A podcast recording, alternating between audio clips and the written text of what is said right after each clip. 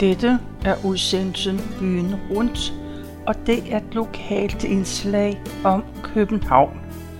Mit navn er Tove Christensen, og jeg har været på Københavns Stadsarkivs hjemmeside, og der har jeg fundet en erindring, som Kis Bisgaard har skrevet.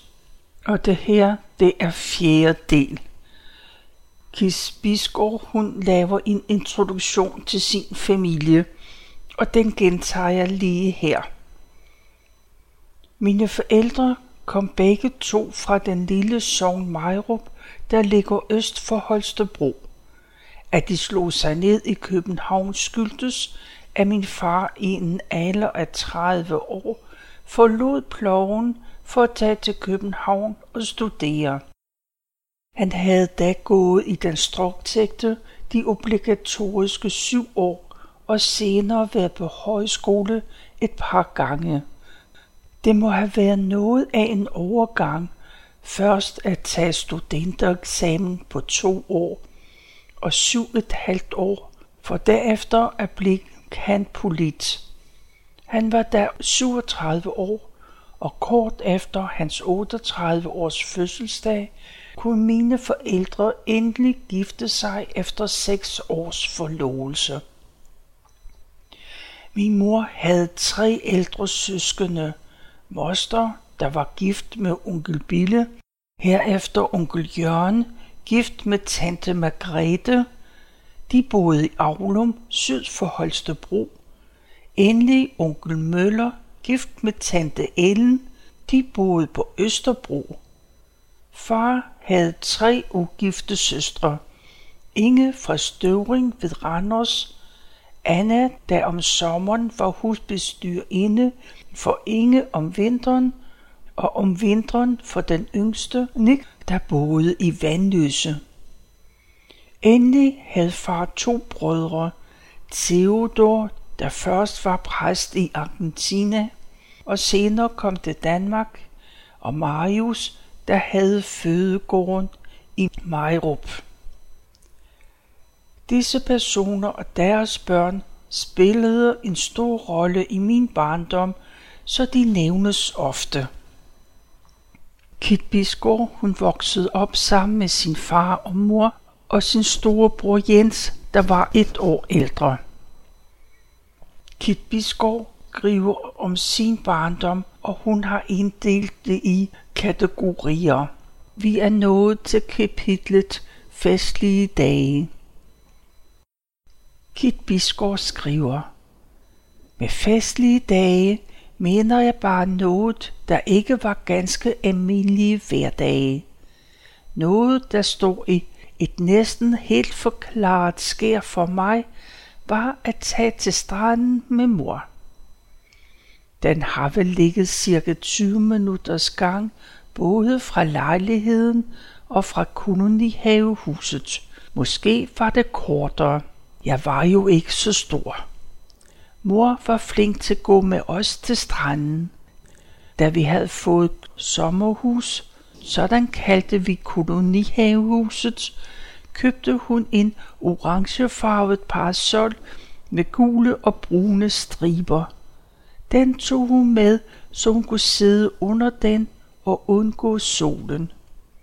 Hun havde ikke den nederste halvdel af stangen med, så parasollen agerede som et halvt telt. Jeg havde tit kigget misundeligt til alle dem, der havde slået et lille hvidt lærreds telt op. Men nu havde vi da noget, der lignede lidt. Vi kunne dog ikke skjule os, når vi klædte om. Men Jens klarede det med et håndklæde om sig, og vi andre havde jo kjoler. Vi havde ingen badekåber. Det var også pragtfuldt at have sin store kusine fra Jylland på besøg. Det skete dog kun én gang. Jeg kan se, at takkebrevet af onkel Jørgens ældste dreng Karl havde været med på samme tur, men det havde jeg været for lille til at huske. I brevet var han dybt imponeret over vores enorme huse. Men hans to år yngre søster, Elines besøg, var jeg meget optaget af.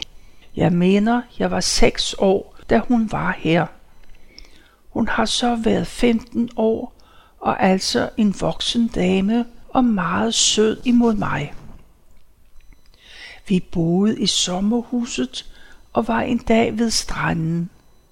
Vi gik som sædvanligt dertil as Amagerstrandvej, som havekolonien støtte op til. Vi badede altid ikke så langt fra badeanstalten Helgoland. Eline var skrækslagen, da det gik op for hende, at hun skulle klæde om åbenlyst for alle. Det kunne hun simpelthen ikke, så jeg måtte gå med hende hen til toiletterne. Men det synes jeg da var langt værre. For det første skulle vi stå i en lang kø, og for det andet var lukkemekanismer i stykker, og folk rev ustandsligt dørene op ind til de stakler, der var ved at forrette deres nødtørft. Jeg havde endda nærmeste indtryk, at en flok støjende piger lige morede sig med at plage folk med det. Men Elina og jeg kunne i det mindste holde for hinanden. Mor tog hjem før os for at lave middagsmad. Og vi har nok glemt siden, for vi nærmest løb hjem. Lille jeg fik sting i siden og beklagede mig til Eline. Men det var der ikke noget at gøre ved. Farten blev ikke sagnet. En dag var vi i Tivoli.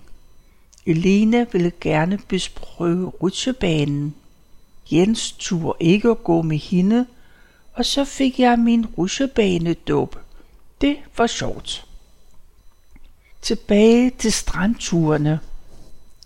Vores badedragter var helt uldne. Den første, jeg har erindring om, var himmelblå. Jenses var meget raffineret. Det var selvfølgelig en heldragt, ikke badebukser, men den øverste del var lysebrun og den nederste mørkebrun, og på midten var den en anden farve. Det illuderede bælte. Der var en dag syet en stump firkantet laderstof midt på maven, hvis mønster var et bæltespænde. Det var en selvfølge, at jeg arvede dette ved under, da Jens holdt op med at bruge den. Han måtte holde helt op med at gå i vandet på grund af sine meget dårlige ører. Mor havde gennem hele min barndom den samme badedragt. i mørkebrun en med en slags snævert skørt. Den var lige op og ned som en undertrøje. Fix var den ikke. Mor kunne svømme, men kun nogle få meter. Hun prøvede forgæves at lære mig det. En dag skreg min mor op og løftede sin ene ben op over vandet. Der sad en krabbe i hendes store to. Det gjorde et dybt indtryk på mig. Sommetider var vi ved stranden med andre. Således Jørgen Møltoft med mor og lillebror Mogens. Jørgen gravede engang så dybt et hul, at han var ved at nå ned til kineserne. Jeg fik lov til at kigge derned, så jeg kunne se noget gult. Kineserne. Jeg var dog noget skeptisk, selvom ingen nok synes, at jeg kunne se noget gult i bunden. Jeg spurgte mine forældre, hvem der var den fineste i landet efter kongen. Svaret var, at det var statsminister Stavning. En dag var jeg med til en af landen folkefest på fortet på Amager. Stavning skulle tale. Jeg var meget optaget af, at jeg med egne øjne havde set den fine mand. Mor havde senere fortalt, at han var så fuld, at han nærmest væltede op på talerstolen, så et par herrer kom styrtende til for at få ham på benene. Men han farede dem til side og erklærede, at han behøvede sgu ingen hjælp. En dag hørte jeg, at mor og far i forening skældte ud over forstavning. Det gik fuldstændig over min forstand, at de kunne komme i tanke om at række ned på en så fornem person. Den fineste mand var jo en midlertidig kongen, og mor gik troligt med os til Amalienborg på hans fødselsdag den 26. september, så vi kunne hylde ham, når han kom ud på balkongen kl. 12. Vi havde været et tøjflag med at vifte med. Desværre havde mor fået den selsomme idé, at jeg den dag skulle skifte fra korte til lange strømper, uanset vejret. Det var stor prestige i at have korte strømper på så længe som muligt, men jeg måtte finde mig i mors luner. Mor fortalte, at vi var så heldige den sommerdag i 1935, da kronprins Frederik og kronprinsesse Ingrid kørte i karet gennem København efter deres bryllup i Stockholm, at vi var i en linje 1 på kongens nytår, lige da de kørte forbi. Urvognen måtte jo holde stille, så vi var i første parket. Jeg var kun to år og kunne ikke huske det. Vi var på vej til Fasternik. Jeg havde for øvrigt fået den idé, som jeg dog ikke helt troede på selv, nemlig at kongen måske var konge, fordi han var den højeste i landet, hvad der nok ikke var helt galt. Han var to meter. Og dronning Alexandrine var måske dronning, fordi hun havde fødselsdag juleaften. En af de meget store dage var børnehjælpsdagen. Mor tog os hvert år med til Rådhuspladsen, hvor muslingeskallen syede af liv. Boderne stod så tæt, og den dag var mor ikke smålig. Vi fik lov til at trække mange lodder og vandt der også adskillige småting. Jeg kan lige nu huske en tesi og en mørke lille halstørklæde. Jeg følte mig utrolig heldig, når jeg vandt en lille ting, også selvom det ofte var mor og ikke mig, der vil få gavn af den. Der var også boder mange andre steder, og da jeg var 12 år, forsøgte jeg mig på hjemmevejen fra Rådhuspladsen ved en bod på Islands Brygge lige ved Langebro. Her vandt jeg en bog om forplantning. Den hed vist Livets gåde. Den startede nok nærmest med bierne og blomsterne. Med et par kapitler henne kom menneskene. Der var tegninger af mandens og kvindens anatomi, som jeg kunne kigge længe på, før jeg overhovedet kunne se, hvad det forestillede. Og samtidig med, at jeg var meget interesseret, var jeg dybt forarvet over, at man kunne udlevere sådan noget til en lille pige på 12 år. Bogen var helt igennem super og var forfattet af en læge. Mor var også ret forarvet. Vi var også på Bellehøjskole, hvor tit kan jeg ikke huske, men sikkert ikke hvert år. Jeg mener, vi var der på jubilæumsudstillingen, og at jeg da var meget optaget af en barak, hvor man udstillede forskellige køkkener. Jeg fik bekræftet med et spørgsmål om, alle disse køkkener kun var stillet op, for de vidste 10 dage skuet varede. Det undrede mig meget. Da vi gik derfra, gik vi gennem en havekoloni, og nu steg min beundring til astronomiske højder. Tænk, at man anlagde disse haver med træer, hække og huse, og en dag befolkede dem med rigtige mennesker, blot for disse få udstillingsdage. Jeg havde stor medlidenhed med de stakkels beboere, der kun kunne nyde disse herligheder i ti dage. Mange af dem stod og talte fredeligt sammen i det gode vejr, og så ikke spor kede ud af det. Her mindes jeg en anden utrolig oplevelse. Lejeforeningen, hvor vi boede, arrangerede hvert år tøndeslagning med efterfølgende underholdning. Der var en tønde til de små og to til de store. En til drenge og en til piger. En gang sne en pige sig ind midt i rækken, i stedet for pænt at gå helt bagerst efter at have haft sin tur, og så blev hun kattedronning. Nej, hvor var jeg gal og forarvet. Det var for øvrigt en af mine klassekammerater. Nå, men et år, mens jeg endnu var blandt de mindste, foregik underholdningen i badmintonhallen syd for de tre karrierer. Far og mor var også med.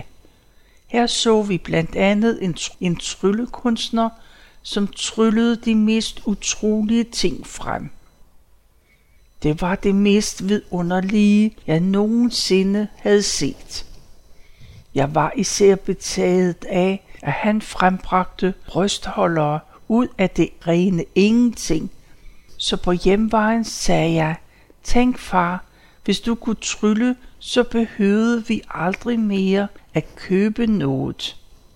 Jeg var i en helt euforisk sindstemning ved tanken om disse ubegribelige, overnaturlige evner, som en skuffelse var ubeskrivelig, da de alle tre lå over min naivitet og fortalte, at tryllekunsteren havde haft disse ting gemt i ærmet og andre steder. Underholdningen efter tøndeslagning blev snart henlagt til aflagen i Ungarns gade og bestod herefter vist kun af film. Det var altid nogle ungerne film. En aften havde Jens og jeg besluttet at skynde os alt, hvad vi kunne til aflagen, så vi for en gang skyld kunne få en ordentlig plads. Vi havde det år for at vide, at der ville være en overraskelse til os. Vi sad så måske en halv times tid og kede os, men havde i det mindste reddet os aflands bedste pladser.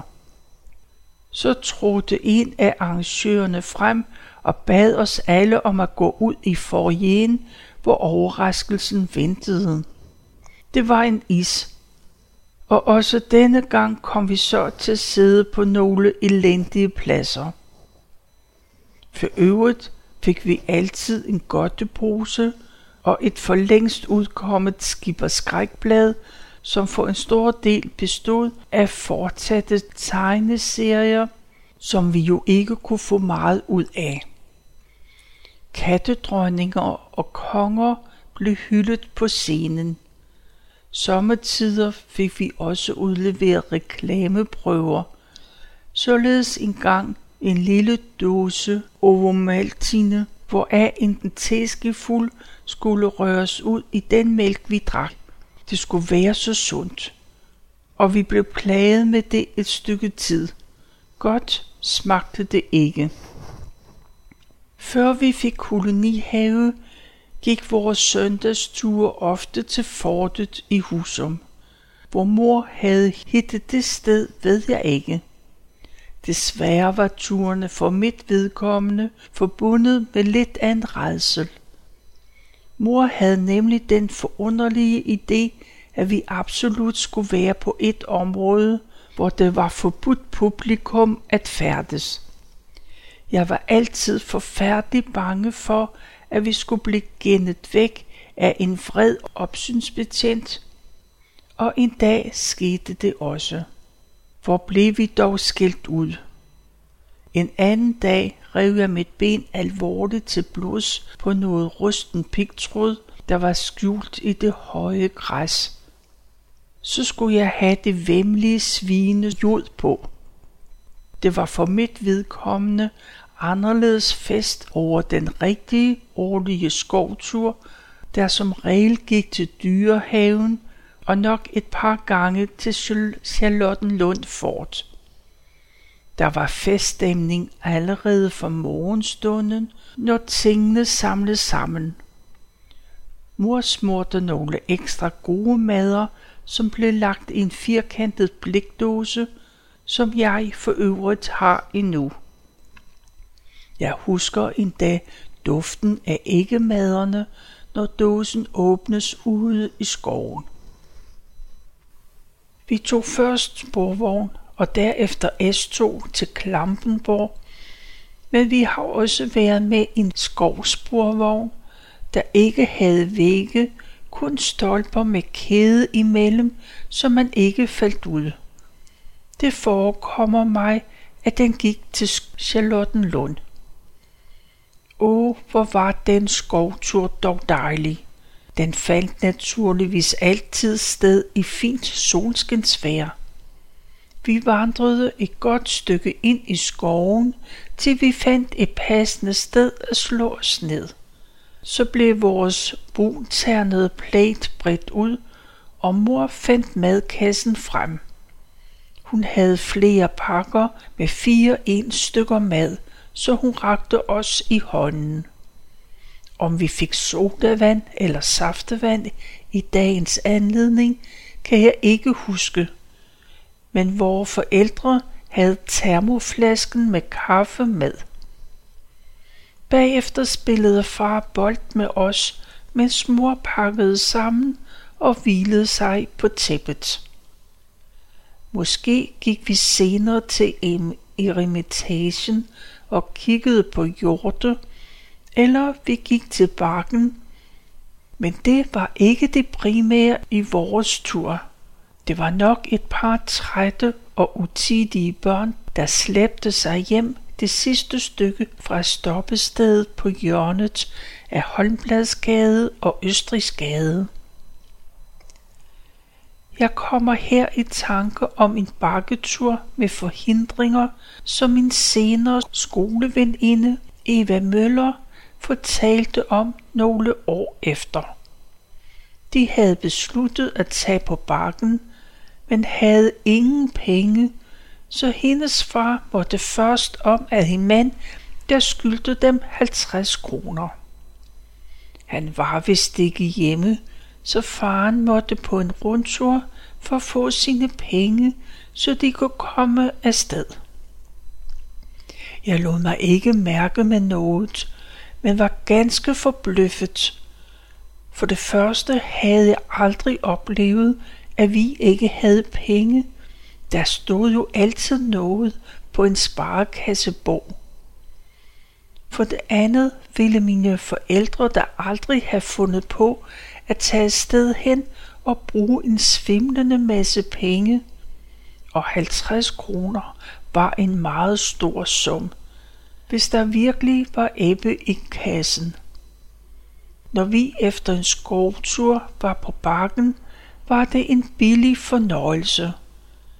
Vi kunne stå længe og se på en mand, der faldt ned fra et bræt, når nogen ramte en kæp med en bold.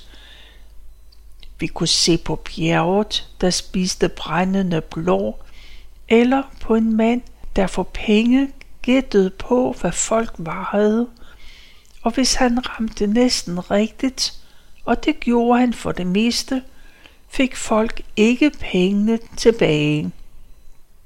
Tiden kunne også gå med at se på folk, der med en kæmpe kølle skulle ramme en pløk og få en klokke til at ringe, hvis de var meget stærke. Som mindre var vi heller ikke i karuseller eller lignende. Det hørte Tivoli-ture til. Tivoli-turen var en oplevelse. Da vi var mindre, tog mor nok oftest ind med os om eftermiddagen, og så sluttede far sig til os efter kontortid. Han arbejdede jo lige ved siden af. Vi spiste selvfølgelig ikke på et restaurant, allerhøjst en beskeden is eller en pølse, og det skete først efter vi var større. Flere gange fik vi en ballon, der blev bundet om håndledet, så den ikke fløj til himmels, hvad vi sommetider så ske for andre meget ulykkelige børn. Hjemme blev ballongerne sluppet løs og hang nogle dage under loftet, men de blev mindre og mindre og faldt til sidst ned. Fornøjelserne var også meget mest gratis, såsom at se folk knuse tallerkener, se Tivoli-garden eller blot høre folk skrige i rusjebanen eller galejerne. Vi så naturligvis pantomime med forestillingen, men stående. Det kostede penge at sidde. Vi fik lov til at prøve ganske få forlystelser. I begyndelsen en karusel, senere noget mere avanceret. Da jeg første gang var i den grønne hal, det vil sige spejlsalen, lå jeg, så jeg var døde nær. Nogle år efter, da jeg prøvede den igen, lå jeg overhovedet ikke til min egen forundring. En eller to gange blev vi derinde så sent, at vi overværede fyrværkeriet. Da de hjemklædte tivoligardister kom trækkende med kanoner, troede jeg, at min sidste time var kommet, og det blev ikke bedre, da fyrværkeriet begyndte at knalde. Det står for mig som en af mine barndoms aller uhyggeligste oplevelser. Selvom mine forældre prøvede at berolige mig efter bedste evne. Det var så langt som jeg nåede af Kit Bisgaards erindringer. Og det her, det er fjerde del. Du kan læse hele hendes beretning på Københavns Stadsarkivs hjemmeside kbharkiv.dk. Jeg har bare tilbage at sige tak for nu, og tak fordi du lyttede med.